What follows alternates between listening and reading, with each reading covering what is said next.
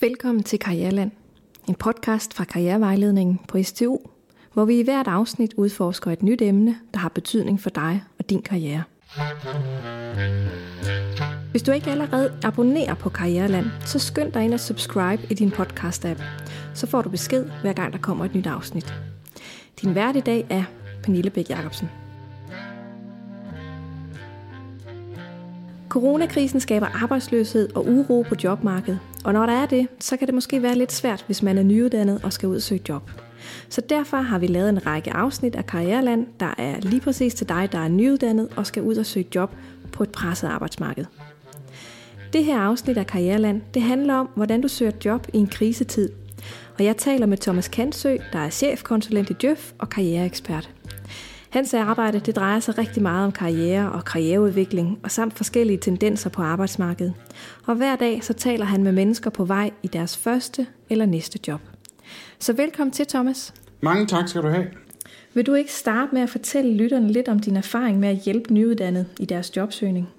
Jo, det kan du tro, jeg vil. Som sagt, så er jeg chefkonsulent i Djøf, og min, og, øh, min arbejdsopgave består i at bygge bro mellem studieliv og arbejdsliv. Og for at kunne gøre det, så, er der, så kræver det to ting. Det er, at man skal være en kæmpe arbejdsmarkedsnørd, og det synes jeg selv, jeg er. Jeg elsker at læse artikler om arbejdsmarkedet. Jeg elsker at læse om vækst, om beskæftigelse og finde ud af, hvad det er for nogle faktorer, der gør, at man ansætter person A frem for B. Og derudover så er jeg faktisk også ret vild med unge mennesker, med nyuddannede mennesker, fordi jeg synes, øh, særligt den generation, der er på vej ud på arbejdsmarkedet nu, jeg synes, de kan noget, som min generation ikke kan, øh, parentes, jeg er 43 år. Jeg synes, der er sådan en, en proaktiv og en stor, hurtig omsættelighed i deres måde at arbejde på, som der er meget fascinerende, og det er faktisk noget, der er meget brugbart for arbejdsmarkedet.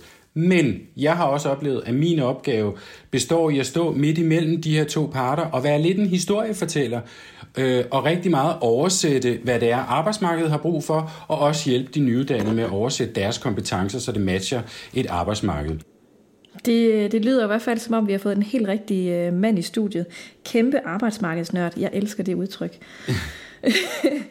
men, øh, men Thomas, her i, øh, i Karriereland, der starter vi altid programmet med en øh, påstand. Og øh, den påstand, du får og skal forholde dig til, den hedder, øh, det er umuligt at få job som akademiker i en krisetid.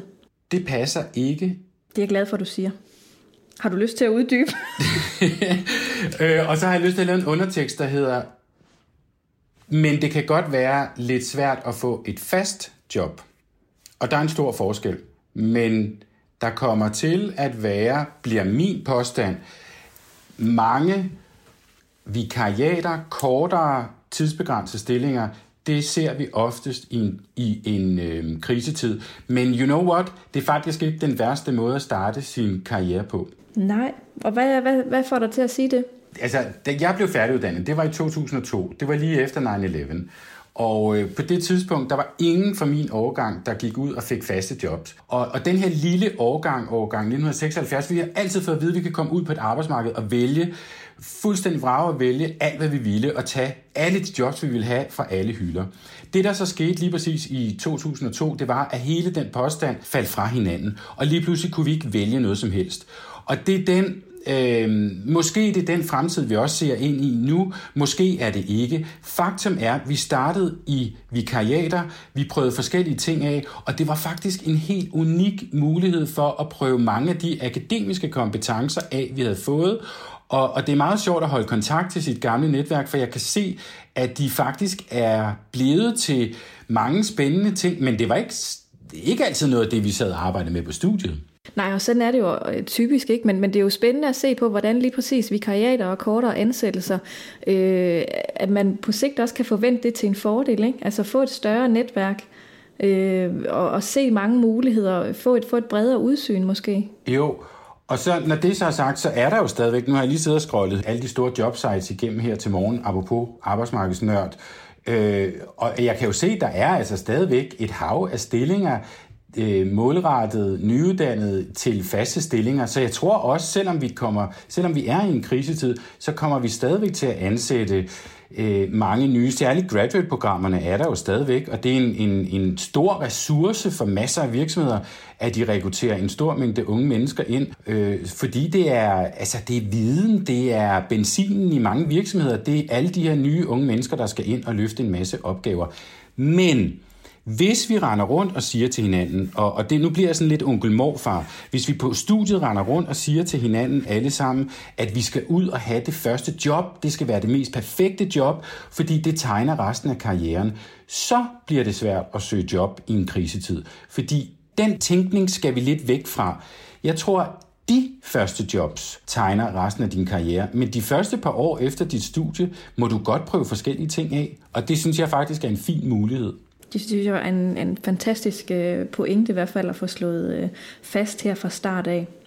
Men hvis nu vi skulle sådan gå lidt på det der med at søge job, hvad er så forskellen på at søge job nu og så før? Jamen, der, der er et par forskelle. Den, den vigtigste forskel, det er, at du skal være ekstrem målrettet og konkret. Og hvis jeg skal være konkret i det svar, så betyder det, du skal fortælle, hvilke arbejdsopgaver du kan løse for en virksomhed. Og hvis jeg skal være konkret, konkret level 2, så betyder det, hvis du skriver, jeg er stærk øh, i kommunikation, både i skrift og tale, så bliver du til at sætte et punktum, og så skal du komme med et eksempel bagefter og fortælle, hvordan du er en kommunikativ stærk profil. Og det gør man ved at sige det her. Jeg er stærk øh, til at kommunikere på skrift. Jeg har stor erfaring med, eller jeg kan skrive tekster til Facebook, så en målgruppe gør et eller andet. Jeg kan skrive salgstekster til øh, en produktbeskrivelse. Jeg kan skrive indstillinger til ministeren, til borgmesteren. Jeg ved, hvordan man sætter sig ind i en kompleks mængde data, og så skriver et abstrakt, øh, kort og præcis med essensen af det. Jeg er god til at skrive en artikel, og jeg skriver altid med fokus på øh, modtager, og jeg bruger for eksempel nyhedstrikanten i min kommunikation. Det er sådan meget konkret og nogle eksempler, øh, så man kan nærmest føle, hvordan du sidder og skriver. Så der har vi det helt målrettede og, og konkrete med, at man kan fortælle, hvad man kan, og så bakke det op med et eksempel.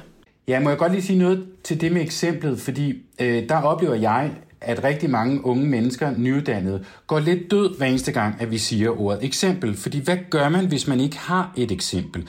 Jeg kunne godt tænke mig, at vi blev bedre til at sige, jeg kan løse en opgave. Med mig får du, og jeg kan, uden at du har erfaring med det. Fordi det, vi skal huske som nyuddannede, det er, at du har læst fem år på en af landets højeste uddannelser.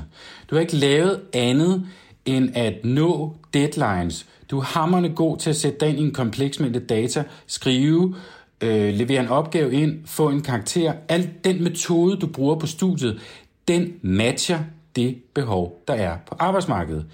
Men der er ikke nogen, der ved det, hvis du ikke fortæller det. Derfor må du godt sige, jeg kan, øh, jeg vil være den rette til. Nogle gange kan man også godt sige, jeg har erfaring med, øh, fordi man har erfaring fra studiet. Men de her vendinger, jeg siger lige nu, dem skal vi øve, sådan så det føles naturligt, men det er ikke at lyve. Det er ikke at lyve at sige, at du er god til at, øh, at, at løse en opgave, selvom du ikke har erfaring med det. Nej, fordi man har noget andet at bakke det op med sin uddannelse. Ikke? Et godt eksempel på et eksempel, du kan give, er, i et team tager jeg typisk rollen som det er en mega god måde at starte øh, en sætning på, når du skal beskrive, hvordan du øh, arbejder sammen med andre. I team tager jeg typisk rollen som den koordinerende, den der får øh, folk til at arbejde godt sammen, og jeg er typen, der altid har fokus på deadlines. Det kunne være et eksempel. I et team tager jeg typisk rollen som den innovative, den idégenererende. Det er mig, der får sat skub i det, og det er mig, der øh, hele tiden kommer med nye idéer. Punktum. Så, så får du beskrevet din arbejdsstil rigtig godt. Hvad gør man der, når man sidder og tænker, jamen jeg aner jo ikke, hvad det er, jeg kan? Jamen, så, bliver du, så bliver du nødt til at tænke på, hvilken rolle du har haft i de teams, du har arbejdet i. Og, og hvad gør man? Jamen, man, man siger til sig selv, der er ikke nogen andre, der kommer og gør det her for dig. Så du skal selv skrive det her ned. Du skal gå i gang med at opbygge et narrativ om, hvordan du er som arbejdskraft. Mm. Nu startede jeg med at sige de der konkrete eksempler på, hvordan man kunne være beskrive, at man er god til at kommunikere. Så kan man også sige, at man er rigtig god til at analysere. Og jeg vælger lige at analysere, fordi det er faktisk noget, der står i langt de fleste øh, akademiske stillingsopslag. Jeg er en stærk analytisk profil. Blandt andet er jeg hurtig til at sætte mig ind i en rapport, der kan det og det og det, og få noget konkret ud af det. Eller øh, jeg er en stærk analytisk profil. Jeg arbejder med øh, analyse i Excel, hvor jeg opstiller pivottabeller og bla bla bla. Altså, og når jeg siger bla bla bla, så er det nogle af de ord, der står i det stillingsopslag, eller det miljø, du søger hen i. Hvis du for eksempel skal være med til at nedsætte sygefraværet øh, på en arbejdsplads, jamen så, så bruger du sygefraværet som eksempel på den her analyse. Men hvis du skriver, du er analytisk, så må du godt skrive, hvordan du er analytisk, og hvilke øh, værktøjer du bruger i din analytiske proces. Ja, så hvordan man er, den kompetence, man nu øh, giver udtryk for. Og hvilke værktøjer du kan. Og faktisk kan man også godt være så konkret, når det drejer sig om projektledelse. Jeg ved godt, I ikke har nået at tage en certificeret projektlederuddannelse endnu, men det kan jeg se, at det er en uddannelse, som rigtig mange af vores medlemmer tager, fordi det er et kæmpestort behov på det danske arbejdsmarked. Men du kan allerede nu sige, jeg er god til at drive et, proces, et projekt. I et projekt har jeg fokus på delmål, milepæle, og jeg sørger altid for, at folk er engagerede ved at tale i øjenhøjde og sørge for, at folk ved, hvad de skal levere til hvilket tidspunkt. Måden, jeg arbejder med projektledelse er sådan og sådan. Og der, altså, så kan man godt sige, at jeg er meget inspireret af Prins 2-principper, for eksempel. Som jo er en, øh, som er en, en, en projektlederuddannelse. Lige præcis, og som man kan øh, se nogle fede YouTube-klip om, eller google sig til, øh, for at lære de der begreber at kende. Ja. Du har også sådan tidligere udtalt, Thomas, at man i krisetid skal være lidt mere opsøgende. Øh, kunne du ikke tænke dig at uddybe det en lille smule? For det første, jeg synes, man skal sætte sig nogle, nogle mål, der, der er lidt højere, end hvad vi egentlig er vant til. Øh, du skal vente dig til at være opsøgende et par gange om dagen. Øh, nu, jeg læser erhvervsnyheder hver evig eneste dag, og jeg kan godt fortælle jer, at selvom det er krisetid, så er der altså rigtig mange gode artikler om virksomheder, der klarer sig godt, eller nye muligheder, eller øh, et eller andet, der opstår. Der opstår hele tiden noget. Alle de her virksomheder kan man godt kontakte øh, og sige, hey, hvor lyder det spændende, det jeg er gang i, kan jeg være med til det? Jeg kan sådan og sådan. Mm. Så på den måde skal man være ekstremt opsøgende. Så synes jeg også, man skal være opsøgende, øh, når du stiller spørgsmål. Når jeg siger, at man skal være opsøgende, så er det ikke kun, at du skal sende en uaffordret ansøgning, eller at du skal prøve at lægge billet ind på et job. At være opsøgende kan også godt være, at jeg ringer til en virksomhed og siger, wow, det lyder spændende, det I laver. Øh, jeg har den og den akademiske baggrund. Jeg har lige et par spørgsmål, så jeg lige forstår øh, din opgave bedre. Må jeg stille dig et par spørgsmål? Sådan, så man stiller interesserede spørgsmål. På den måde får du en virkelig meget viden om arbejdsmarkedet. Hvordan, øh, må, jeg lige, må jeg lige spørge om det? Fordi der støder vi på rigtig mange øh, studerende derude, der synes, det der, det kan jeg da ikke. Altså, jeg er da til besvær, og det er da enormt grænseoverskridende. Hvad, hvad, hvad tænker virksomhederne egentlig om sådan et opkald der? Jamen, jeg kan godt forstå dit spørgsmål, og nogle gange så har jeg lyst til at sige, hvor er det ærgerligt, at vi ikke tidligere på studiet har et fag, der hedder sådan kontakter du proaktivt. Fordi nu er jeg ikke noget kontrolorgan, men jeg kan godt finde på at sige, at det her skal vi simpelthen kunne, også fordi den metode skal du i øvrigt bruge resten af din karriere. Vi skifter jo jobs mange gange i løbet af vores karriere. Der er du proaktiv. Der er det dig, der tager kontakt. Også når du er i en stor organisation, så er det også dig, der går rundt og taler med en anden chef og siger, hey, er der en mulighed for, at jeg kan komme over i jeres afdeling? Den her metode med at tage kontakt til et menneske, du ikke kender, det er øh, sjovt, når man lærer det, og, og det er en præmis for at navigere på det danske arbejdsmarked, vil jeg mene. Hvordan lærer man det? Det er øvelse gør mester. Øh, det, så vi lærer det ved, at du bruger din fagforening, du bruger din A-kasse, du bruger alle de instanser, der lige nu står og rigtig gerne vil hjælpe dig, så øver du det af. Og så tror jeg, det vigtigste er, at du husker på, det værste, der kan ske, det er, at du får et nej. Hvis jeg siger til dig, nej, jeg har ikke tid til at tale med dig, det er det aller værste, der kan ske. Det er det eneste. Og så svaret til det er i øvrigt, jamen tak for din tid, Thomas. Må jeg lige høre dig, Øh, har du kendskab til andre fagforeninger eller faglige organisationer, der eventuelt kunne have brug for en arbejdskraft som min? Og det svar kan jeg jo altid give. Er der nogen andre i dit netværk, som du vil kunne kaste mig videre til? Og når jeg er ansat i en faglig organisation, så kender jeg selvfølgelig alle de andre faglige organisationer. Og jeg ved også, hvem der sidder det. Det er jo nogle gange lidt en stor fedt- og kusinefest i de her brancheklynger. Og så, øh, og, og, og, så du får bare et par andre leads af mig. Jeg afviser dig, men du får et par andre leads. Ja, så, det, så uanset om man får et, et, et nej eller ej, så er det jo et, øh, en god metode at, at gå i gang med at lære sig. Altså, jeg hader selv at få et nej, og jeg føler mig afvist på øh, så kort tid. Men et nej var også en kontakt. Og så har du lært af det. Øhm, og så vil jeg sige, i øvrigt, i den her krisetid, er der altså et, et virtuelt værktøj, som der ikke var der øh, på samme måde, som da jeg blev færdiguddannet i 2002, og det hedder LinkedIn. Og på LinkedIn, der er der en chatfunktion, hvor vi lyn hurtigt kan skrive til næsten alle mennesker i det her land og skrive, hej, jeg har fundet frem til dig. Hvornår vil det passe dig, jeg kan ringe til dig? Øh, jeg har lige et par spørgsmål til dig, som jeg meget gerne vil stille dig. Venlig hilsen, Thomas. Ja. Ja, så der er jo nogle helt der, der er nogle øh, virkelig gode muligheder derude, som vi, øh, vi skal blive gode til at, at udnytte. Ja, altså afstanden mellem os er meget, meget kort på grund af LinkedIn, nogle gange Facebook. Der er jo ikke nogen, der tager telefonen, men vi skriver alle sammen med hinanden. Hvordan, hvordan er det så, man skal øh, gå i gang med at søge i den her nuværende situation? Hvor, hvor starter man henne? Ja, du starter med at få en rutine, hvor du kigger jobsites igennem hver evig eneste dag. Bruger lige en fem minutter på at kigge på de store jobsites.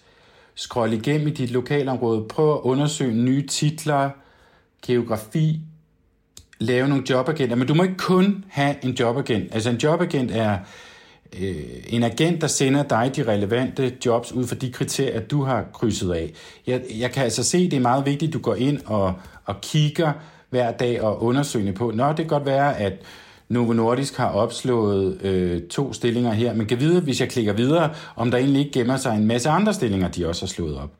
Øhm, og så er det blive bekendt med jobfunktionen på LinkedIn. Der er mange stillinger, der ligger på LinkedIn, som ikke kommer over de andre steder, så derfor synes jeg også, man skal kigge der. Og så hvis jeg vækker dig klokken 3 om natten, så kunne jeg godt tænke mig, at du kan svare på, hvilke 20 virksomheder du gerne vil arbejde for. Okay, så man skal have, have lavet sig en liste over drømmevirksomhederne? Ja, ja, det synes jeg, man skal. Hvorfor? Du hørte mig indledningsvis sige, at man skal være meget målrettet, man skal være meget konkret. Du kan ikke være målrettet uden at kende din målgruppe. Og målgruppen i det her tilfælde er arbejdspladsen. Og du bliver nødt til at skrive ned, hvilke arbejdspladser, der øh, du godt kunne tænke dig at arbejde for. Og FYI, så opstår der helt automatisk en motivation også for den arbejdsplads. Hvis du skriver ned, at du gerne vil arbejde for SDU eller for TÜV, så er det jo fordi, du synes faglige organisationer eller uddannelsesmiljøet er fedt at arbejde i. Og det er faktisk det, vi gerne vil høre, når vi ansætter. Det tager os tre sekunder at se, at du er dygtig på papiret, men vi er meget interesserede i at høre, hvorfor vil du gerne arbejde for os? Hvad er det særligt ved os, der er interessant?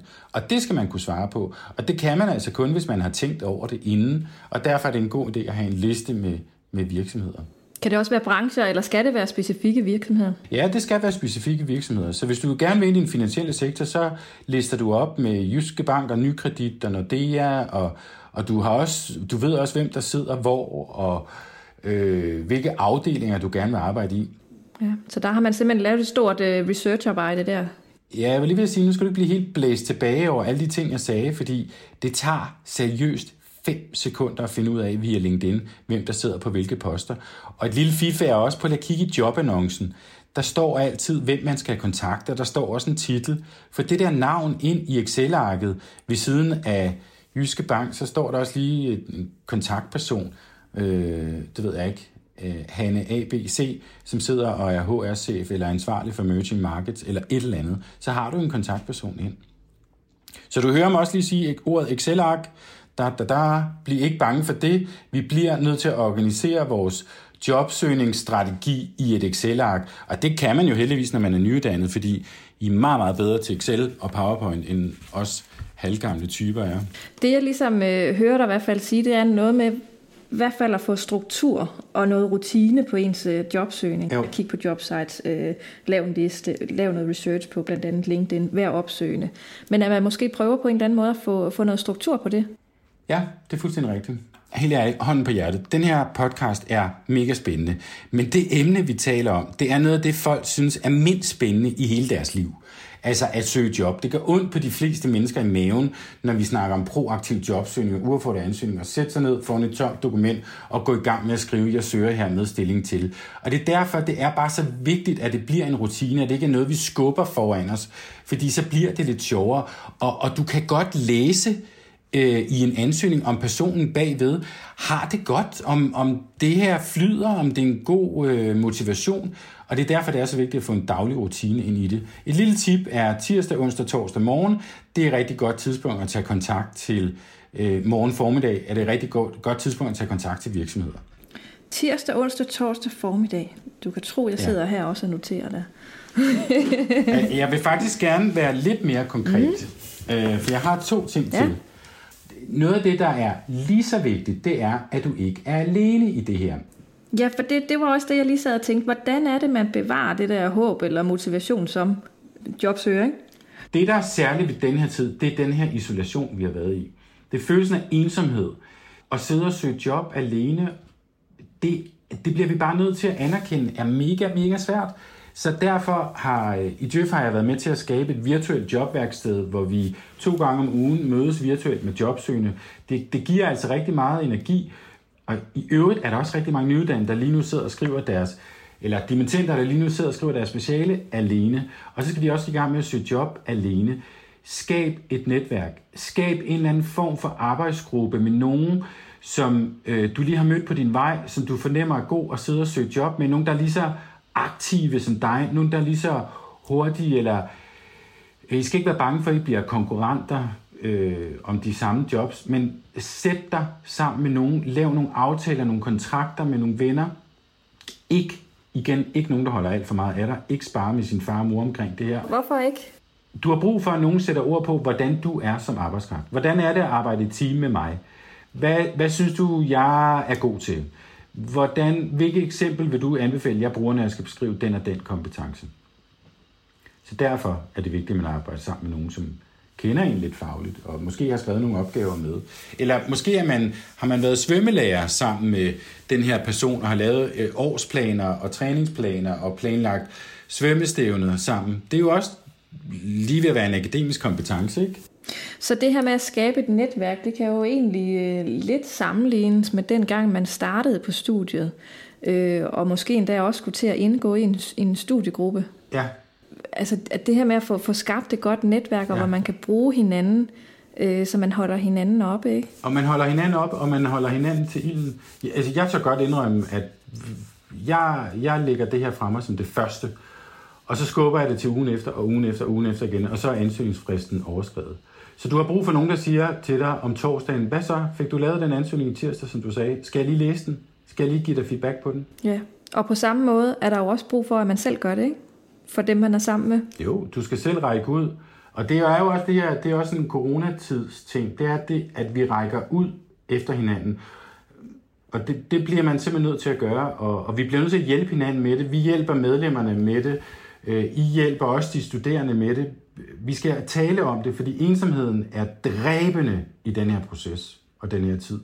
Her til sidst, Thomas, der skal vi øh, se, om vi kan få opsummeret nogle af de her ting her til tre gode råd til, hvordan man håndterer jobsøgning i en tid, hvor virksomhederne er lidt presset. Ja, altså der, der, øh, der vil jeg sige, har du mulighed for det, skab et netværk, øh, så du er sammen med nogle andre mennesker om det her. Find ud af, hvem der inviterer nogen ind. Gør det lidt eksklusivt. Jeg vil gerne have dig med i mit jobsøgningsnetværk. Vi skal simpelthen løse det her sammen. Bruge hinandens erfaringer. Få skabt nogle grupper. Det er verdensmester i. Øhm, så synes jeg, man skal få et godt overblik over det danske arbejdsmarked. Hvem søger? Hvad er der at søge? Og hvad søger de? Og det er så mit råd nummer to. Øh, og til det har jeg lige et, en, en, en tillægsbemærkning. Øh, jeg synes, man skal se det danske arbejdsmarked som det, det er. Det vil sige det private arbejdsmarked og det offentlige arbejdsmarked. Og så skal man lige huske det tredje ben, som er medlemsdanmark.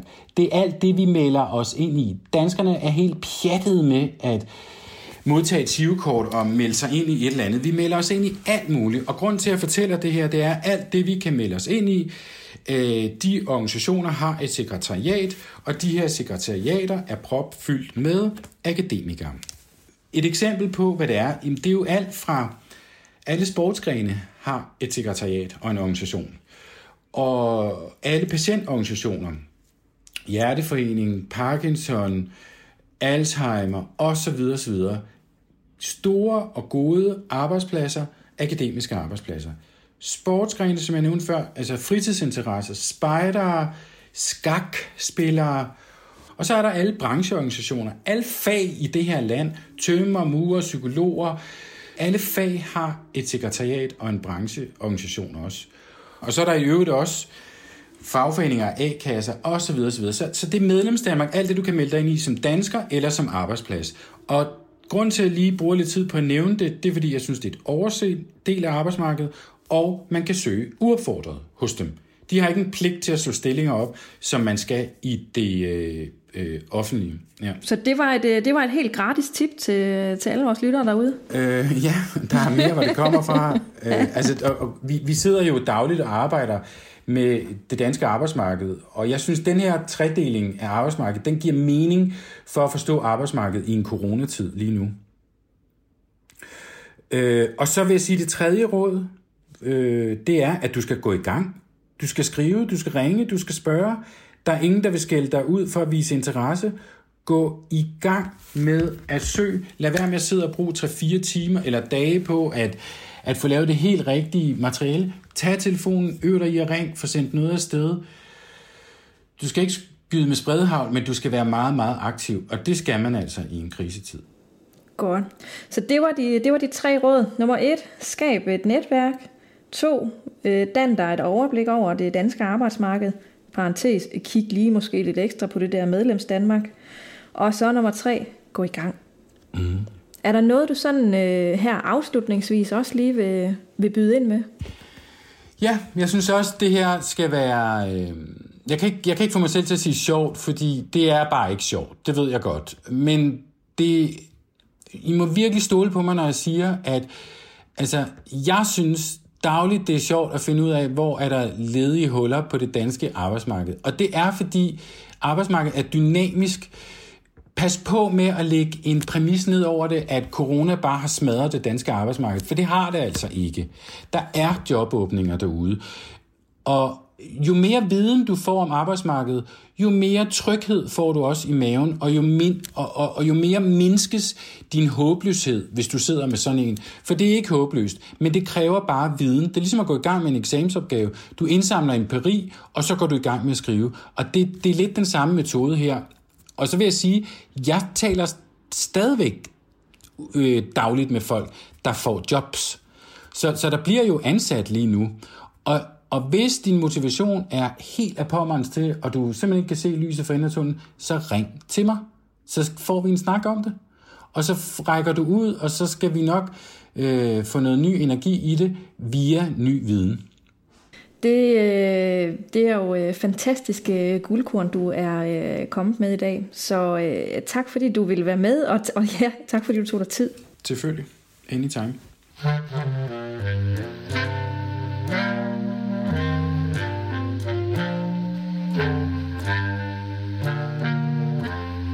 Hvis du sidder og føler dig lidt overvældet over jobsøgning, så håber jeg, at den her podcast-episode den, øh, kunne hjælpe dig.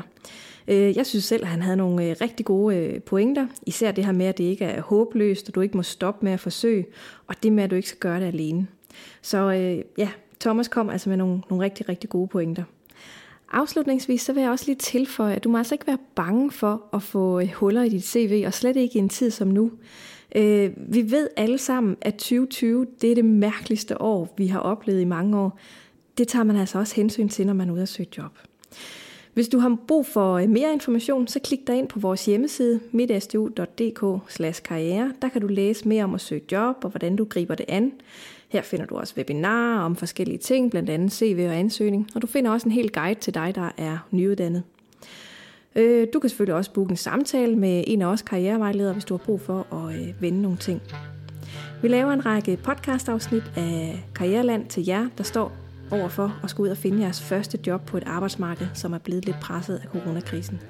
Så hop ind og abonner på Karriereland, så får du en opdatering, når det næste afsnit det udkommer. Tak for i dag, og tak til dig, der lyttede med. Thank you. Thank you.